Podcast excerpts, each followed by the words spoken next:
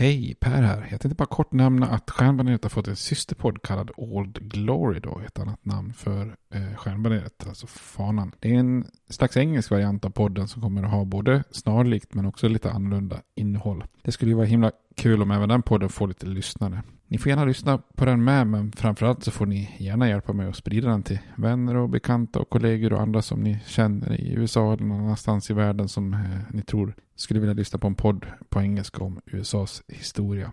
Tack, det var bara det jag ville säga. Nu kommer avsnittet. Hej då! Tired of ads barging into your favorite news podcasts? Good news. Ad-free listening is available on Amazon Music for all the music plus top podcasts included with your Prime membership. Stay up to date on everything newsworthy by downloading the Amazon Music app for free or go to amazon.com slash news ad free. That's amazon.com slash news ad free to catch up on the latest episodes without the ads. Ryan Reynolds here from Mint Mobile.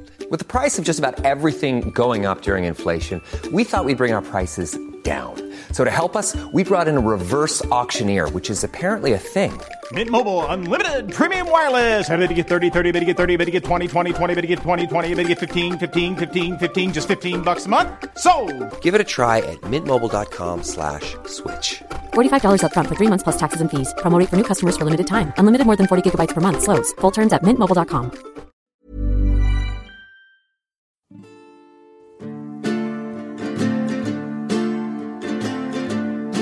We hold these truths to be self-evident, that all men are created equal, that they are endowed by their Creator with certain unalienable rights, that among these are life, liberty, and the pursuit of happiness.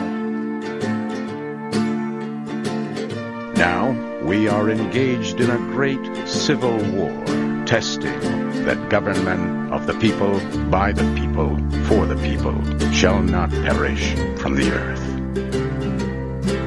And so, my fellow Americans, ask not what your country can do for you, ask what you can do for your country. I have a dream. My four little children will one day live in a nation where they will not be judged by the color of their skin, but by the content of their character.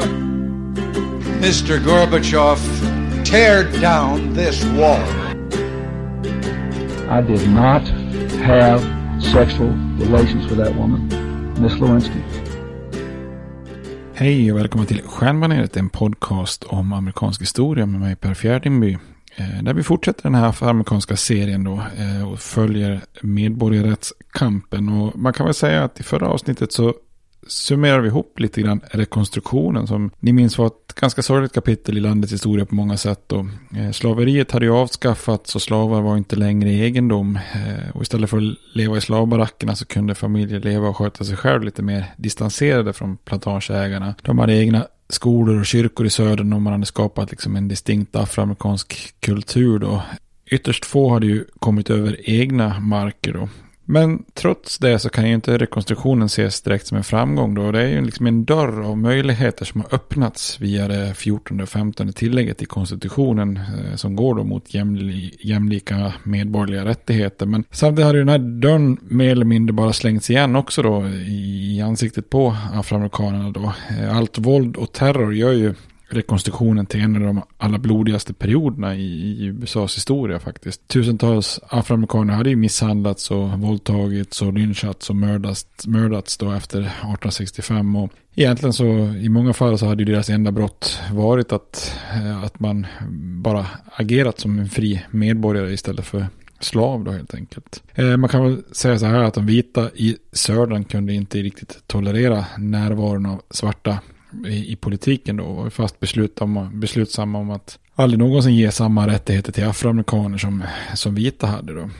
Och i takt med att åren gick efter inbördeskriget så tappade ju republikanerna och de vita i norr lite grann engagemanget för afroamerikanska rättigheter. Man orkar liksom inte fortsätta alla de här insatserna som krävdes i södern och övertalade sig återigen att, att afroamerikaner nog trots allt var lite av en underlägsen ras och som inte kunde eller kanske förtjänade samma rättigheter som vita då. Och efter den här kompromissen då 1877 så hade ju de sista federala trupperna lämnat södern. Och utan de här och utan närvaron av den här Freedmen's Bureau som hade gått i graven så var ju den afroamerikanska minoriteten mer eller mindre chanslösa att kunna utmana då den vita makten, de här så kallade redeemers då, eh, vita demokrater, alltså från det demokratiska partiet som, som hade återtagit makten.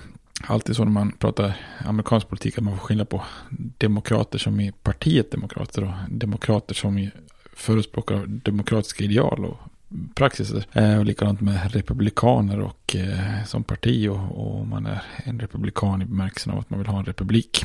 Men man kan ju tro då kanske att botten är nådd på något vis här i, i, i, med rekonstruktionen då. Men som vi ska se så, så blir det till och med kanske ännu värre då för många afroamerikaner fram till och med sekelskiftet ungefär. Då.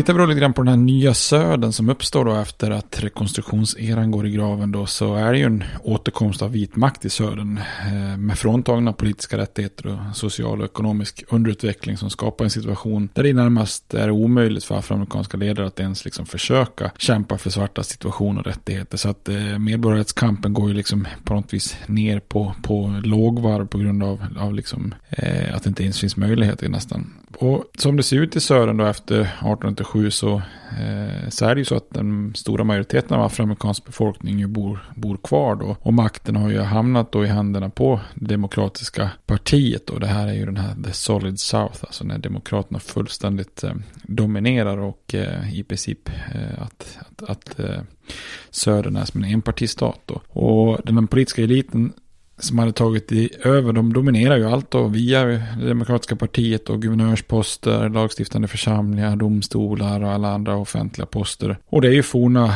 de här forna rebellstaterna, eh, där, där, där, säger man ju då att man, att man var redeemed, alltså att man återigen hade det som kallas för home rule, alltså eget lokalt styre utan inblandning då från den federala staten och armén då, eller myndigheter som Freedmen's Bureau. Nu styr den vita södern sig själva då via det här home rule och eh, så fort federala trupperna har försvunnit och man har återtagit makten, makten så är delstaten redeemed. Och på många platser så var det ju egentligen samma elit i södern som hade styrt innan inbördeskriget. Eh, och de som styr efter 1877 brukar, brukar ju också kallas för redeemers. Då. Och i den gruppen så stack en klick ut i form av de här forna rikaste plantageägarna. Och de får helt enkelt smeknamnet bourbons efter den här franska och spanska kungaätten då, eh, bourbon eller bourbonerna. Oavsett var de kommer till makten så gjorde ju det demokratiska partiet och eliten i södern ungefär samma sak. Då. De, de sänker skatterna, de drar in spenderingen på allmänna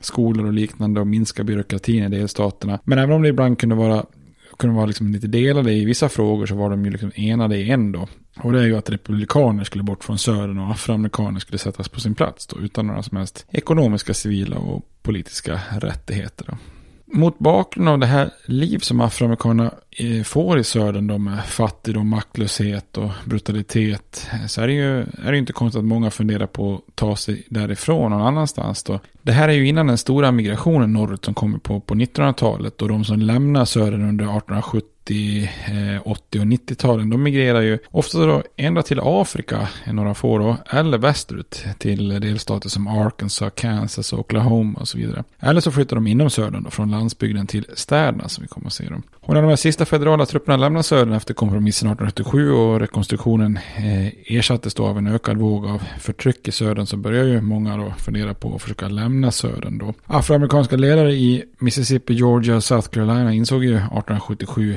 lite grann vart situationen börjar leda och, och börja uppmana sitt folk att, att till exempel återvända till Afrika då. Och tanken om att emigrera utomlands och tillbaka till Afrika hade ju funnits väldigt länge då. Både hos eh, vita och svarta. Vi pratade lite grann i en tidigt avsnitt att många som ville avskaffa slaveriet, alltså vita abolitionister. Och många var ju ändå positiva till att ändå de befriade slavarna i så fall skulle lämna USA och återvända till Afrika då. Den här så kallade koloniseringstanken då. Och staten Liberia då hade ju grundats i Afrika som just en fristad för befriade slavar.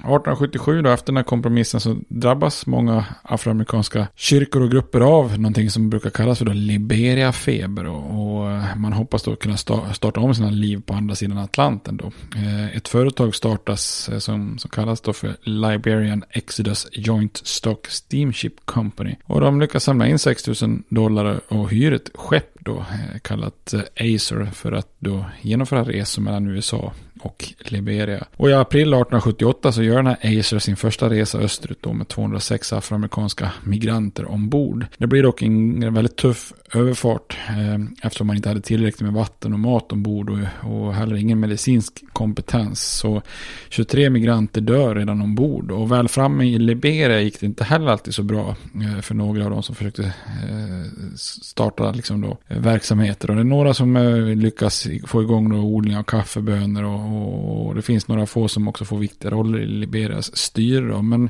många lyckades mindre bra då och vissa så dåligt och misstrivs så mycket så att de väljer då att återvända till USA. Så bolaget lyckas heller inte finansiera fler resor utan går också i konkurs. Då. Så trots avancerade planer så var det i slutändan väldigt få som tog steget att försöka migrera till Liberia. Och för många afroamerikaner var den här tanken i sig frustrerande och det är ju inte så konstigt liksom. USA är ju deras hemland och de hade varit med och byggt upp landet och de var engelskspråkiga. De flesta var ju troende kristna med en västerländsk kultur och de hade levt i USA ofta i många generationer. Så att eh, man såg sig ju mer som amerikaner på det viset än, än att man ville flytta tillbaka till Afrika. Då.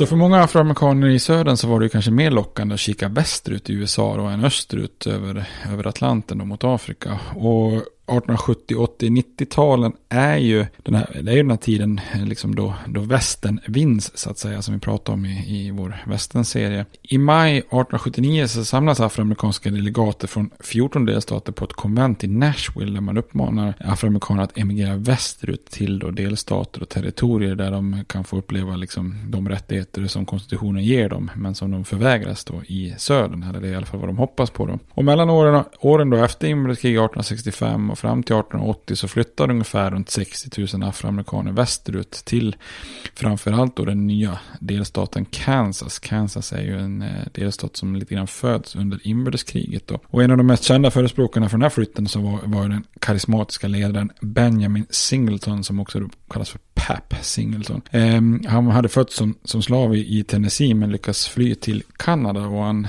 hade stannat där tills unionstrupper då ockuperar Tennessee då, delstaten under inbördeskriget eh, och eh, flyttade då tillbaka och försörjer sig på att göra kister då eh, under inbördeskriget där, där många dör. Men efter kriget då så kände ju den här Pap Singleton att eh, de här fattiga förhållandena och det här våldet mot svarta gjorde det lite grann omöjligt att bo kvar i Tennessee. Och då ska man ju ändå minnas att Tennessee var en hyfsat lindrig delstat ganska långt upp i, i den övre södern jämfört med många av de andra och som ju faktiskt också var, eh, var den första utav rebellstaterna som återinträdde i princip i unionen då. Men han började i alla fall istället för att leva kvar under de här förhållandena förespråka en flytt västerut till Kansas då.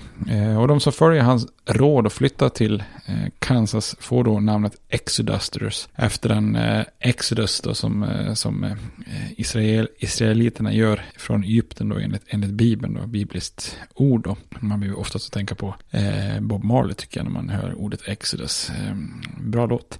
Och de trodde ju att de skulle nå lite mer av det förlovade landet och mm, faktiskt på nästan ett religiöst sätt. Så att i den bemärkelsen passade ju den här termen bra då. Och Kansas är ju väldigt symboliskt med tanke på att det var där som den här djupt religiösa John Brown då inledde den här sin våldsamma kamp eh, liksom i gamla testamentet style eh, mot slavägarna på 1850-talet i det här som kom att kallas för blodiga Kansas då, lite ett förspel till inbördeskriget. Så att det här Kansas, det är inte så konstigt att man kanske väljer ut eh, det som den fria staten man vill flytta till i väster.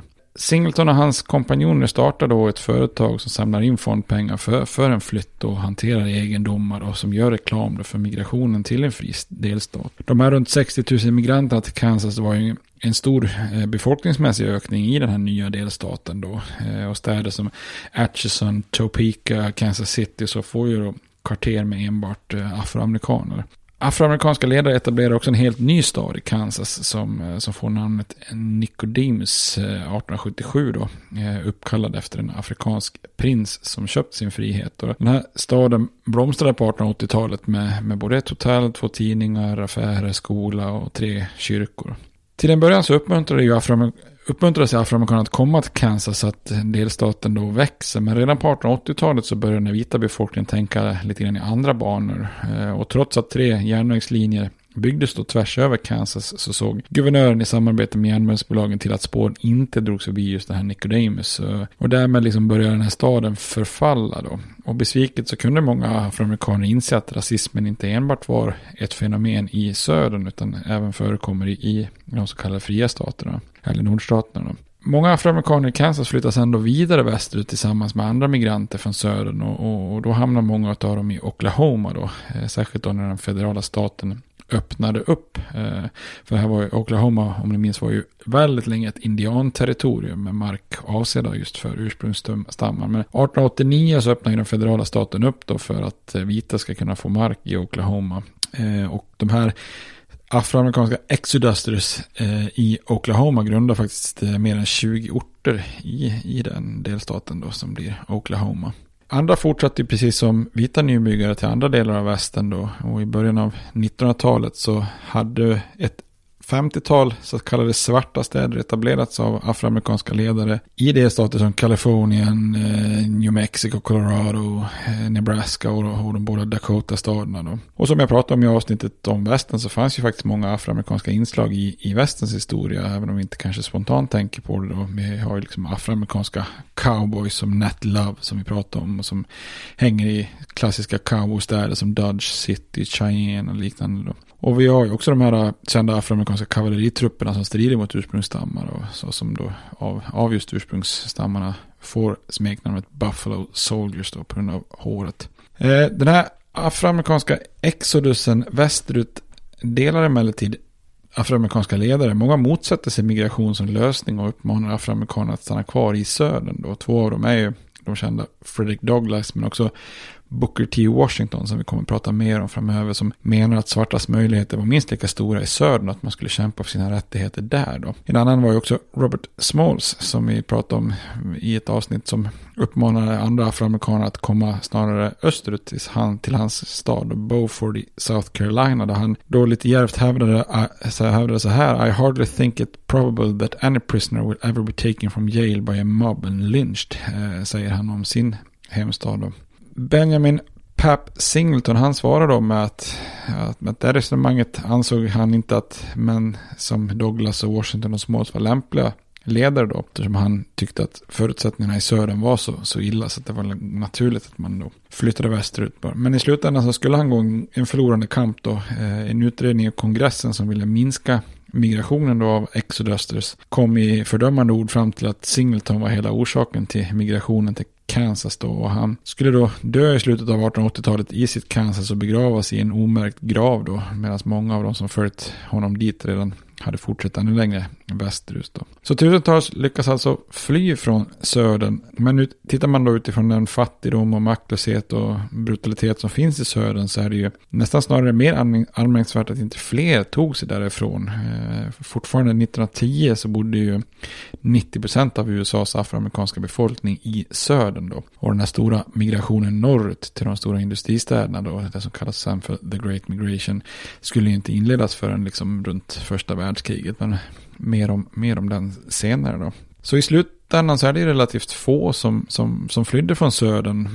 Varken om vi pratar om över till Atlanten till Afrika eller västerut till USA. Då. Däremot så är det en ganska stor rörlighet inom södern som också får ändå betraktas som en slags migrationsvåg. Då. Det tusentals afroamerikaner valde under 1800-talet och efter inbördeskriget att fram till sek sekelskiftet eh, flytta runt då, från isolerade gårdar på landsbygden för att ta sig då till större orter och, och städer. Då.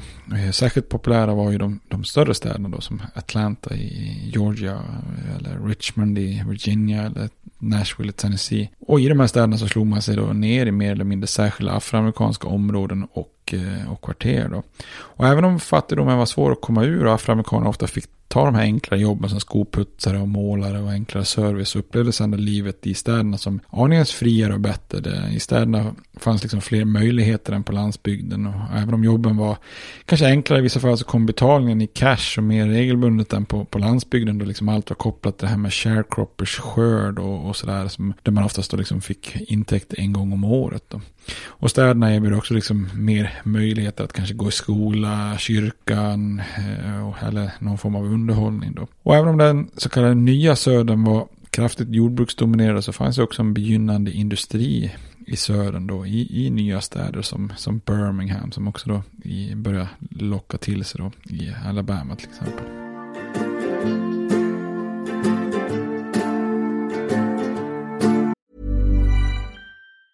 Tired of ads barging into your favorite news podcasts? Good news. Ad-free listening is available on Amazon Music for all the music plus top podcasts included with your Prime membership. Stay up to date on everything newsworthy by downloading the Amazon Music app for free or go to amazon.com slash news ad free.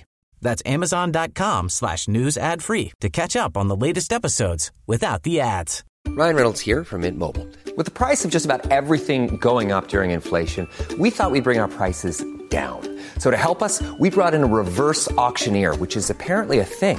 Mint Mobile unlimited premium wireless. Ready to get 30, 30, bit to get 30, bit to get 20, 20, 20, bit to get 20, 20, bit to get 15, 15, 15, 15 just 15 bucks a month. So, Give it a try at mintmobile.com slash switch. $45 upfront for three months plus taxes and fees. Promo rate for new customers for limited time. Unlimited more than 40 gigabytes per month. Slows. Full terms at mintmobile.com.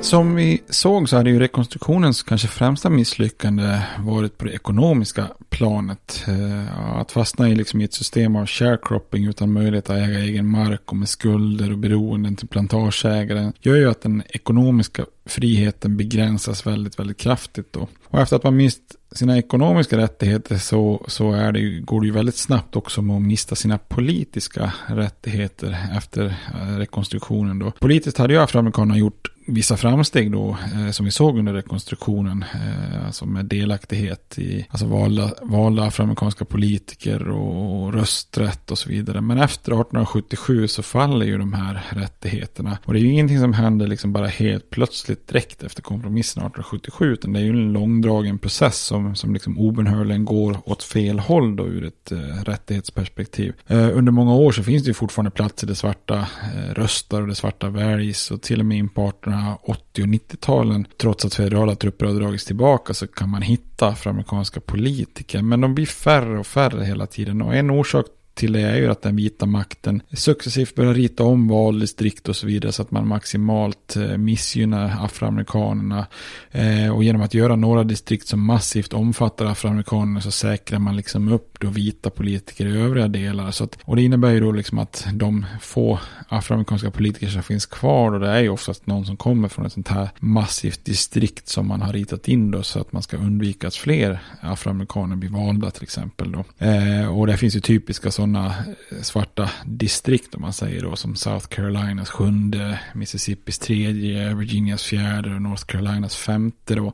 Där man ofta då kanske valde en afroamerikansk kongressledamot då eller representanthusmedlem då. Men resten domineras fullständigt av vita demokrater då. Och, och successivt efter åren 1877 så stängs liksom dörren helt för afroamerikaner så att det till slut inte finns några som helst afroamerikanska politiker då en orsak som kommer att liksom slå spiken i kistan för det här är ju vissa då liksom hot som tonar upp sig mot eh, de etablerade demokraterna och, och, deras lösningar på de här hoten. Då. Eh, ett första hot är ju mer militanta demokrater som, som menar att de här så kallade redeemers som tagit över Sören efter rekonstruktionen är lite för mesiga och moderata då. Och de här mer militanta då, och oftast kanske då med, med ena foten i, i, i Ku Klux Klan och liknande organisationer menar att man inte i Sören borde tolerera ens liksom minsta lilla politiska delaktighet från, från afroamerikaner. Och inte sällan så kallas eh, de här militära, mer militanta demokraterna för readjusters, alltså som försöker återskapa södern som det var innan inbördeskriget, det vill säga noll rättigheter för svarta. Då. Och många demokrater,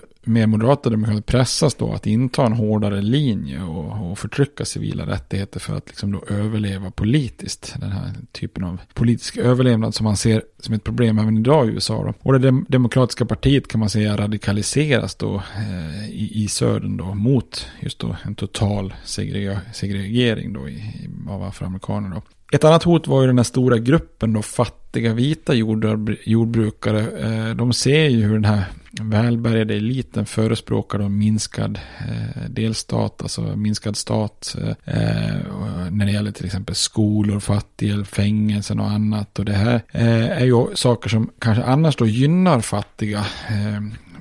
Medan då man ser att eliten gärna satsar på järnvägar och industrialisering och om ändå i begränsad form och sånt där som kanske inte gynnar då den fattiga eh, klassen då.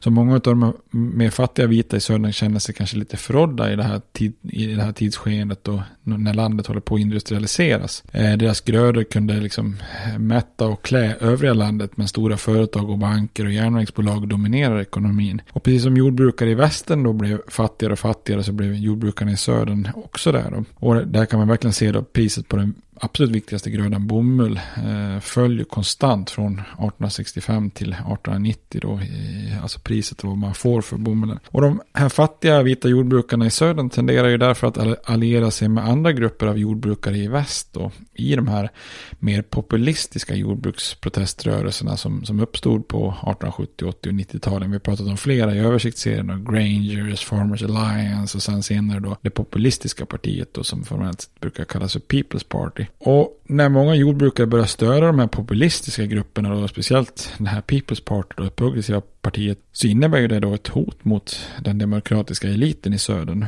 Och även om de här rörelserna oftast var konservativa och inte gärna släppte in för många svarta, så var bara den liksom, teoretiska tanken av en gemensam kamp för fattiga vita och fattiga svarta, eh, det blir ju liksom en mardröm för den här dominerande eliten. Eh, och hade man kunnat lagt bort sina rasfördomar så hade man kunnat få kanske stort politiskt inflytande då i de här progressiva rörelserna. Hade man fått svarta röster hade det kunnat bli liksom vågmästarinflytande då för de här populistiska partierna. Och den demokratiska eliten i södern, de uppfattar det här hotet då och skiftar ju naturligtvis då strategi. Eh, och när fienden försöker då utnyttja rasfrågan i enligt dem då en farlig inriktning så väljer de själva att utnyttja rasfrågan i en annan då. De börjar därför samarbeta mer och ge aningen mer stöd då till fattiga vita samtidigt som man då förtrycker svarta ännu mer. Man sätter liksom den vita rasen främst så att säga. Och om fattiga vita får det bättre så vinner man liksom successivt över deras stöd. Eh, Medan många andra i USA från, från de fattigare leden då gynnas av den här progressiva erandets reformer så blir liksom då afroamerikanerna återigen förlorare. Då. Och för att summera kan man väl säga att afroamerikansk involvering i politiken överlever rekonstruktionen men men överlever då inte 1800-talets slut. Splittringen inom det demokratiska partiet och uppkomsten av eh, det här pop populistiska progressiva partiet blir två inslag då som egentligen helt eliminerar det afroamerikanska eh, inflytandet i politiken i södern. Då. Det här hotet från populismen då gör att demokraterna i södern satsar väldigt helhjärtat på vit makt eh, för alla vita. Då. Det betyder ju också att man börjar dra in rösträtten för afroamerikaner. Eh, och rösträtten inskränks över tid med lite olika medel. Eh, under rekonstruktionsserien så hade man ju använt hot och våld. Och, det fortsätter ju delvis även under 1890 och 1880 och 1890-talen då. Och det är ju med rädsla för sitt eget liv eh, som man då får välja som afroamerikan att, att liksom eh, välja att rösta eller inte rösta. Och då väljer ju många att, att inte rösta för att man inte vill utsätta sig för, för våld eller, eller, eller i värsta fall mista livet. Då. Eh, andra medel som man använde sig i början av är ju fusk och mutor och vissa, om man säger större plantageägare valde ibland kanske att, att till och med att muta sina sharecroppers så att de inte röstade alternativt att de röstade då för en kandidat som de själva föredrog och, och då, då fick de lite pengar för det. Ibland ägnar man sig åt mer regelrätt valfusk, alltså att man tar bort röstsedlar eller lägger i extra.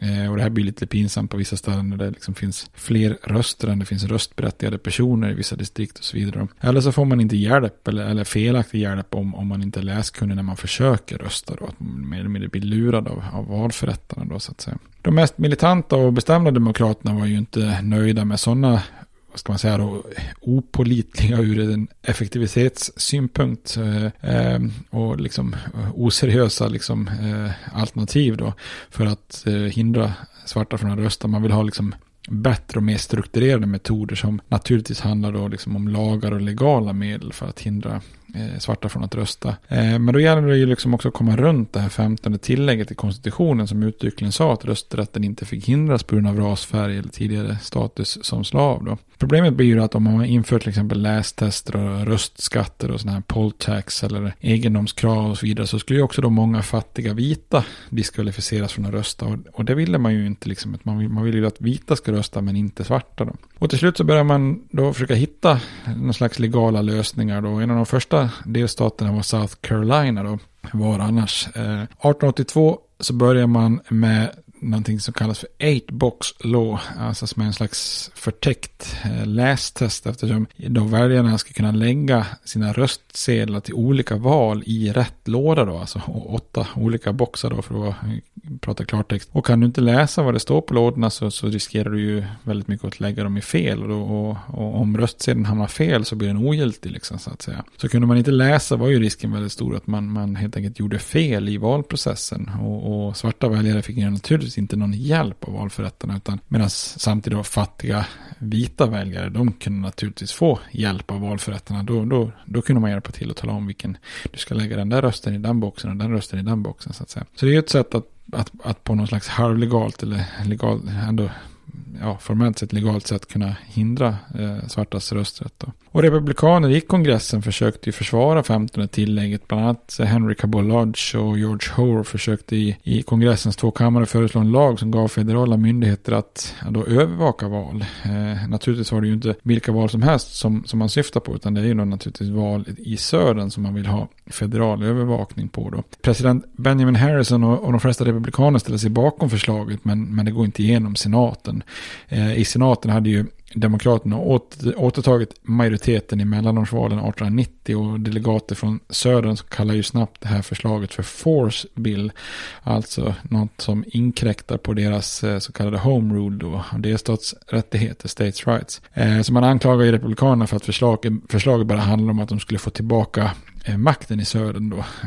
Den som de så kallade carpetbaggers förlorat, alltså republikaner som har kommit från norr och, och, och styrt i södern då under rekonstruktionen. Så förslaget eh, om federal valövervakning blockeras då av, av Söderns delegater i, i senaten och de tar naturligtvis inga risker utan startar då en filibuster för att inte ens komma till omröstning då så att man pratar så att, så att tiden går ut. Och George Hoare då i, i, i senaten var ju rasande. Han sa så här You have tried everything else, try justice. Så att han är frustrerad som sjutton då. Och misslyckandet att leva igenom den här så kallade force bill visar ju då hur politiskt irrelevanta afroamerikaners politiska rättigheter hade blivit då. Den här abolitionistiska lågan som ledde till det 13, 14 och 15 tillägget hade ju i princip slocknat om man får ta det bildligt. Cabo Hores förslag representerar ju liksom det republik republikanska partiets historia snarare än, än, dess framtid. Eh, och borta var ju det här, ska man säga, gamla gardet av Lincoln-republikaner och istället så börjar då republikanska partiet kontrolleras av det nya gardet, alltså Big Business-republikanerna. Eh, och det är ju då ett gäng som, som helt under den här eh, förgyllda eran och progressiva eran fokuserar då på industrialiseringen och ekonomin snarare än afroamerikanska rättigheter. Så att i slutändan blir ju då eh, McKinley-tullar och Shermans silverköpslag och sånt viktigare då än, än federalt övervakade val i södern.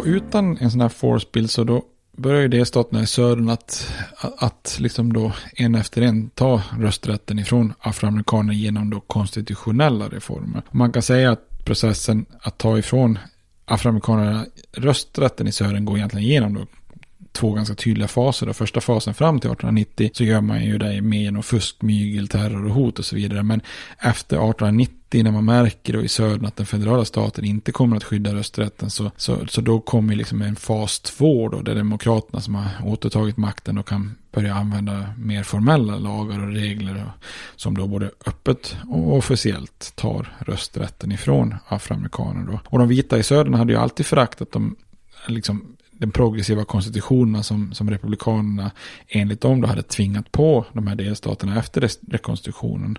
Så när man har återfått makten eh, efter rekonstruktionen så utnyttjar ju demokraterna sin makt för att återinföra mer konservativa konstitutioner. Så att delstater som Florida, Mississippi, South Carolina, Louisiana Virginia, det, alla de delstaterna, de författar helt enkelt nya konstitutioner mellan åren 1885 och 1902. Då, så då och liksom återställer man tillbaks det hela. Då. Och ett bra exempel på det här är ju Mississippi då. Eh, afroamerikaner hade fort fortsatte att utöva sin rösträtt i Mississippi trots hot och våld. Och, men 1890 så antar Mississippi en ny konstitution som, som liksom helt stänger dörren, även formellt och, och, och legalt för det här.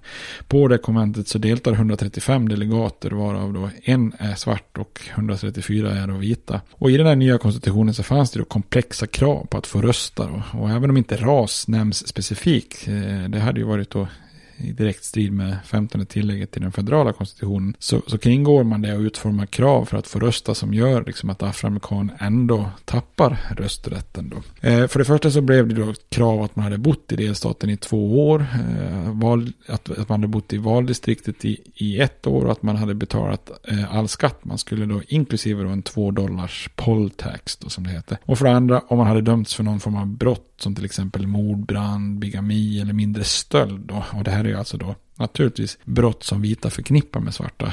Eh, så tappade man sin, sin rösträtt. Och för det tredje så fanns det ett språktest. Alltså man, man var tvungen att kunna läsa någon utvald del av konstitutionen och visa att man faktiskt förstod den för att kunna få rösta. Då. Och om man då inte var läskunnig så kunde ju då en valförrättare läsa upp en del av konstitutionen. Och om man visade då att man förstod så, så kunde man ju då rösta. Och på konstitutionskonventet redan där så tar ju alla för givet då att vita icke läskunniga kommer ju då att få hjälp så att de kommer kunna rösta. Men att afroamerikaner inte kommer få det av valförrättarna då. Eh, man kan säga att de ger helt enkelt makten att bestämma om en väljare eh, gav en tillfredsställande tolkning av konstitutionen eller inte. Så det blir ju super, super, super tolkningsbart beroende på vad, vad valförrättaren tycker då. Eh, så om en valförrättare ser en afroamerikansk väljare så börjar man liksom grilla dem med, med, frågor om konstitutionen och om svaren inte är så att säga då inom citationstecken tillfredsställande så får man helt enkelt inte rösta då. Så, så subjekt blir, subjektivt blir det då. Det finns ju exempel då på, på lärda afroamerikaner som, som liksom i, i princip kan konstitutionen innan och utan men som ändå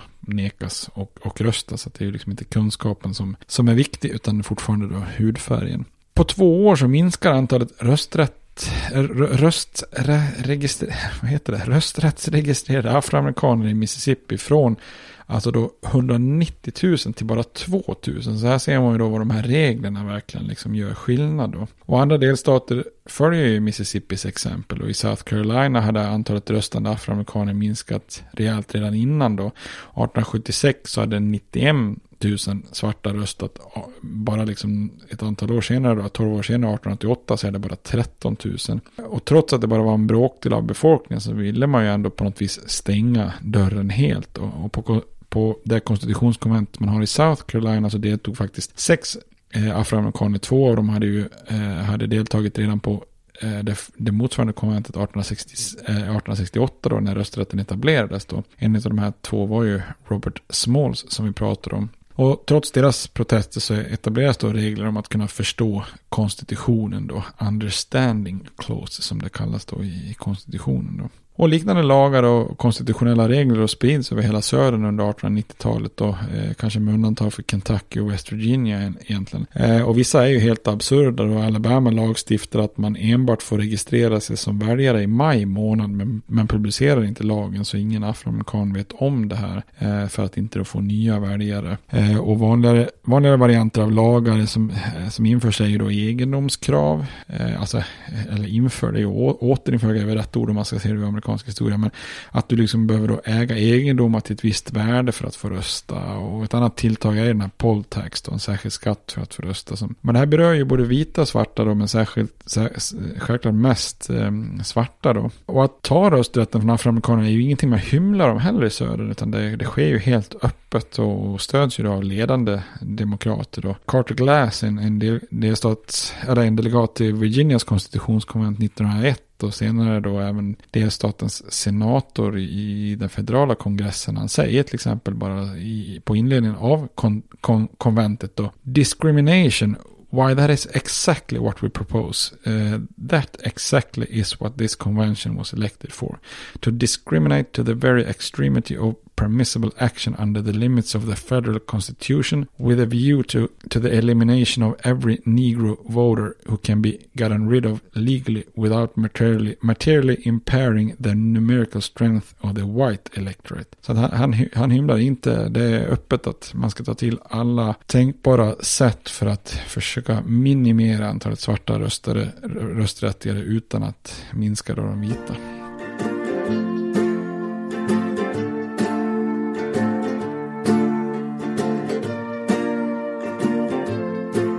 1898 kommer också någonting nytt och då adderar Louisiana ytterligare en innovation till det här med att ta rösträtten från afroamerikaner. Och det är den så här berömda så kallade grandfather clause. Eh, jag vet inte hur man ska utföra det, men farfars eller morfars regel. Då. Och den här regeln slår då fast att enbart män som kunnat rösta innan 1867 eh, fick rösta. Eller män vars far eller farfar hade kunnat rösta innan 1867 får rösta. Eh, det vill säga du kunde bara rösta om, om, om du eller din, din far eller din farfar farfar, eller ja, morfar så, hade röstat innan inbördeskriget. Och i ett samhälle där typ 99% av alla afroamerikaner var nyligen frisläppta slavar eller barn till de som, som var, hade varit slavar, eh, så är det ju mer eller mindre en regel som bara rätt och slätt tar rösträtten ifrån de allra flesta. Sannolikheten för att dina mor eller farföräldrar var slavar, det var ju liksom i princip eh, nästan 100% extremt hög. Eller annorlunda uttryckt, rösträtten som afroamerikaner fick eh, kommer det 15 tillägget 1870 och hade ju liksom inte då börjat ens gälla 1867. Så att eh, det här blev ju liksom då eh, en omöjlighet att få rösta om man skulle leva upp till det här kriteriet. Och, och de här så kallade grandfather clause, det blir ju väldigt populärt verktyg i södern och flera delstater tar ju efter. För det, det här är ju då liksom det ultimata verktyget, ett, ett väldigt, vad ska man säga, finjusterat verktyg. Det slår ju liksom enbart mot afroamerikaner och inte alls mot fattiga vita, som vissa andra regler. Eh, eftersom vita då hade ju aldrig varit slavar. Så medan de här poll tax och, och lästester och sånt, eh, Eh, där, där kunde man ju liksom eh, om man inte fuskade, liksom då även diskvalificera vita väljare. Eh, och det ville man ju liksom inte. Så vad man gör är att man går helt enkelt runt det 15 tillägget i konstitutionen som garanterar rösträtt avsett, oavsett ras, hudfärg eller tidigare slaveri och hittar på andra orsaker till varför man inte får rösta. Och egentligen är de här orsakerna i södern samma som ras, hudfärg och tidigare tjänstgöring som slav. Men inte då uttryckligen. Eh, man bryter liksom inte mot konstitutionen konstitutionen bokstavligt talat, men man följer liksom inte dess andemening för fem öre då, inte överhuvudtaget. Spiken i kistan kom ju med det, här, med det legala stöd som de här reglerna får indirekt i högsta domstolen då i fallet Williams vs Mississippi 1898. Och då är det en afroamerikansk man vid namn Williams som har fällts för mord men överklagar med motivering om att han blivit dömd inför en helvit jury och förnekas då lika behandling inför lagen som 14 tillägget i konstitutionen slår fast. Eh, och när högsta domstolen döm, dömde att Williams inte hade utsatts för rasdiskriminering hade man på ett mycket indirekt sätt där då gett sanktion åt språktester och röstskatter och förarförsklausuler eftersom det var krav eh, att vara röstberättigad för att kunna tjänstgöra i en jury. Då. Och följden blev att antalet svarta väljare blir extremt få. Och därmed väljs ju heller inte längre några svarta politiker. Då. Så inte oväntat så sjönk afroamerikaners deltagande i val till i princip minimala mängder. Eh, I Louisiana hade eh, 130 000 svarta röstat 1896 och bara fyra år senare så var det bara drygt 5 000 då. Eh, I Georgia var 28 procent av de röstberättigade svarta 1904. Eh, Medan 1910, och sex år senare, hade det sjunkit till bara 4 procent. Eh, och i de olika stat, staterna i södern som varierar då svartas andel av de som registrerades för att rösta i val då till någonstans mellan oftast då 2 till 15 procent. Ännu färre vågade sen också då i slutändan rösta eller känna att det var värt det. Alltså det är ju en sak att vara eh, röstberättigad. Det är ju en annan sak att faktiskt utöva sin rättighet och våga gå till en vallokal då, där du riskerar att utsättas för våld. Då. Och därmed har ju södern då eh, blivit en del av landet där afroamerikaner inte deltar i politiken på något sätt. Då. Politik i södern är, lik, är likhetstecken då med vita och det demokratiska partiet. Då. Eh, det har blivit en slags enpartistat i staten då så att säga. Så att eh, här är ju då landvinningarna från rekonstruktionen fullständigt körda i, i botten vad gäller då politiska rättigheter. Men det var allt jag tänkte säga idag. Nästa gång tänkte jag vi skulle kolla lite grann på sociala rättigheter och de så kallade Jim Crow-reglerna. Men tills dess så får ni ha det bra. Hej då! States like these and their terrorist allies constitute an axis of evil.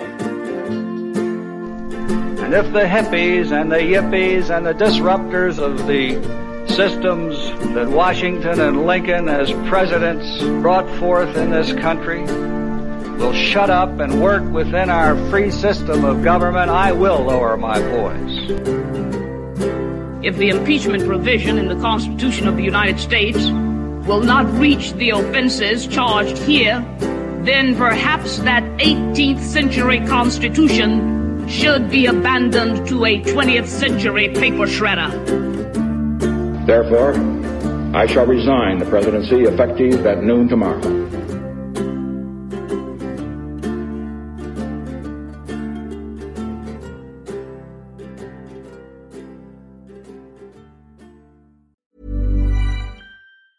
Tired of ads barging into your favorite news podcasts? Good news. Ad-free listening is available on Amazon Music for all the music plus top podcasts included with your Prime membership. Stay up to date on everything newsworthy by downloading the Amazon Music app for free or go to amazon.com slash news ad free. That's amazon.com slash news ad free to catch up on the latest episodes without the ads.